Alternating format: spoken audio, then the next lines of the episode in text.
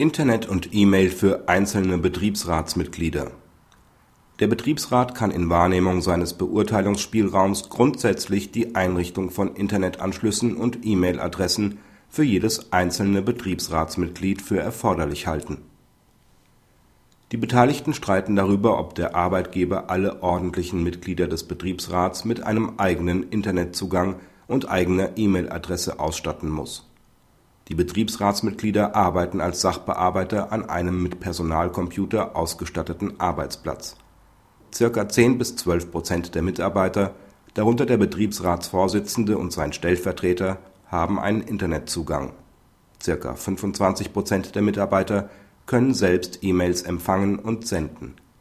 Durch die Vergabe entsprechender E-Mail-Adressen verfügen auch der Betriebsratsvorsitzende und sein Stellvertreter über diese Möglichkeit der Betriebsrat verlangt vom Arbeitgeber die Zurverfügungstellung einer weiteren E-Mail-Adresse und eines weiteren Internetzugangs für das dritte Betriebsratsmitglied.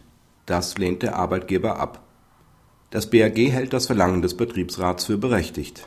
Ein entsprechender Anspruch ergibt sich aus § 40 Absatz 2 BetriebsVG. Danach hat der Arbeitgeber sämtlichen Betriebsratsmitgliedern Internetzugang zu gewährleisten und eine E-Mail-Adresse einzurichten Derartige Einrichtungen fallen unter den Begriff der elektronischen Kommunikation im Sinne der Norm. Der Betriebsrat kann entsprechende Einrichtungen allerdings nur verlangen, wenn dies zur Wahrnehmung seiner Aufgaben nach dem Betriebsverfassungsgesetz erforderlich ist. Dabei steht dem Betriebsrat ein weiter Beurteilungsspielraum zu. Grundsätzlich kann der Betriebsrat die Einholung von Informationen aus dem Internet für die Erfüllung seiner Aufgaben als erforderlich ansehen Dafür bedarf es nicht die Darlegung konkreter Informationen, die aus dem Internet benötigt werden oder eines sonstigen Informationsbedürfnisses, das nur aus dem Internet gedeckt werden kann. Der Betriebsrat kann insoweit auch entscheiden, welchen Mitgliedern er den entsprechenden Informationszugang eröffnen will. Da durch das Internet Sachinformationen zu allen betriebsratsrelevanten Themenbereichen eingeholt werden können, ist es nicht zu beanstanden wenn der Betriebsrat sich für einen Internetzugang für jedes einzelne Betriebsratsmitglied an dessen PC-Arbeitsplatz entschieden hat. Berechtigte Interessen des Arbeitgebers stehen dem arbeitsplatzbezogenen Internetzugang im Streitfall nicht entgegen. Die zusätzliche Freischaltung eines Internetzugangs erfordert keine größeren technischen oder kostenintensiven Veränderungen.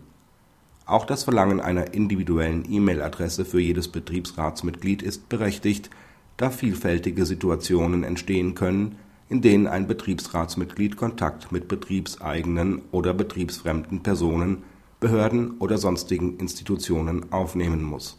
Es ist insoweit nicht entscheidend, dass sich der Arbeitgeber entschieden hat, nicht sämtlichen, sondern nur ausgewählten Mitarbeitern eigene E-Mail-Adressen zuzuweisen. Entgegenstehende Interessen des Arbeitgebers sind auch hier nicht ersichtlich.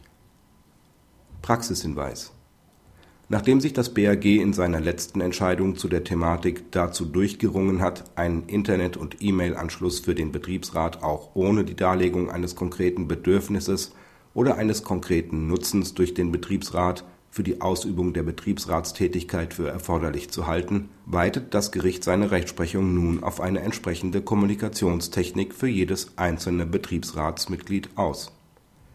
Entgegenstehende Interessen werden Arbeitgeber kaum vorbringen können solange im Unternehmen, wie in der Praxis üblich, Flatrates für die Benutzung entsprechender Anschlüsse bestehen und die zusätzliche Freischaltung für die einzelnen Betriebsratsmitglieder somit keine Kosten verursacht. Allein die Einwände Datensicherheit und Virenschutz sind nicht geeignet, den Anspruch des Betriebsrats einzuschränken oder zu Fall zu bringen, da derartige Themen dem Einsatz elektronischer Kommunikationsmittel immanent und somit nicht spezifisch der Betriebsratstätigkeit zuzuordnen sind.